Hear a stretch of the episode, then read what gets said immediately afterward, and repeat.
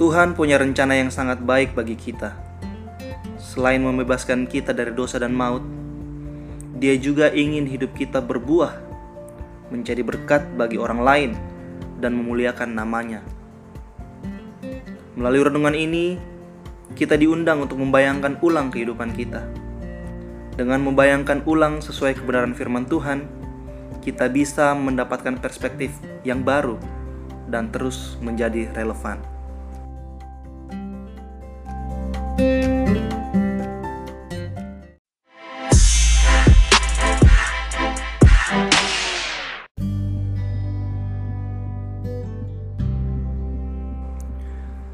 Oke, yang berikutnya di hari kelima, kita masuk di hari kelima dalam tema renungan reimagine.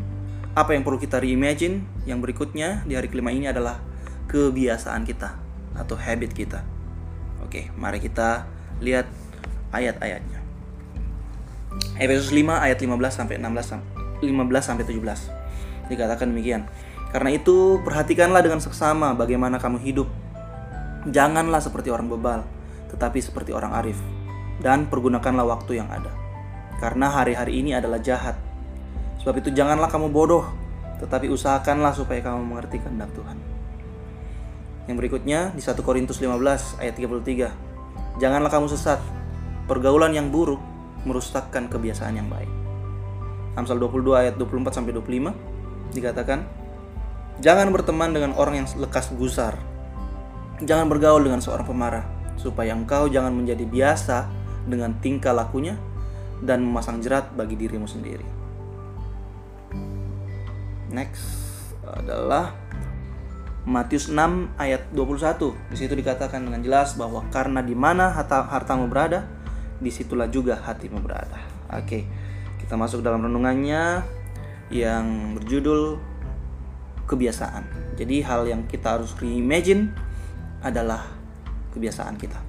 Nah, sadarkah teman-teman bahwa hidup kita ini sebenarnya dibentuk oleh kebiasaan-kebiasaan kita?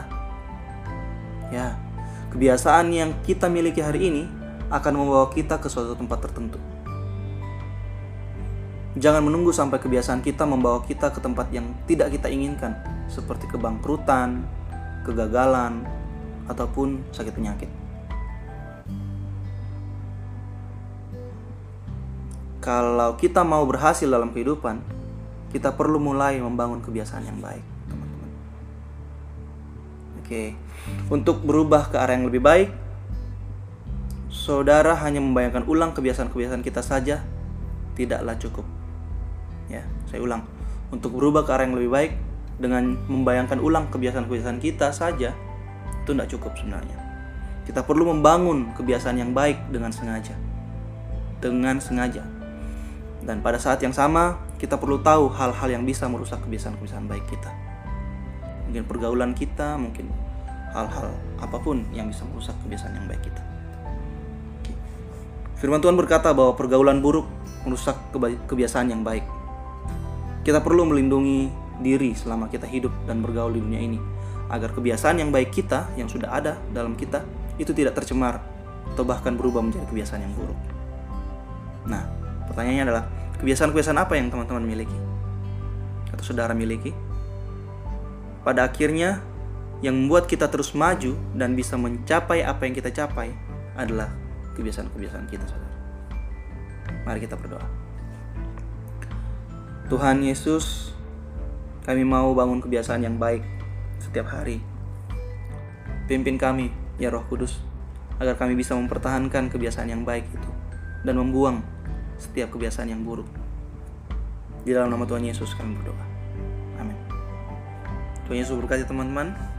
Shalom.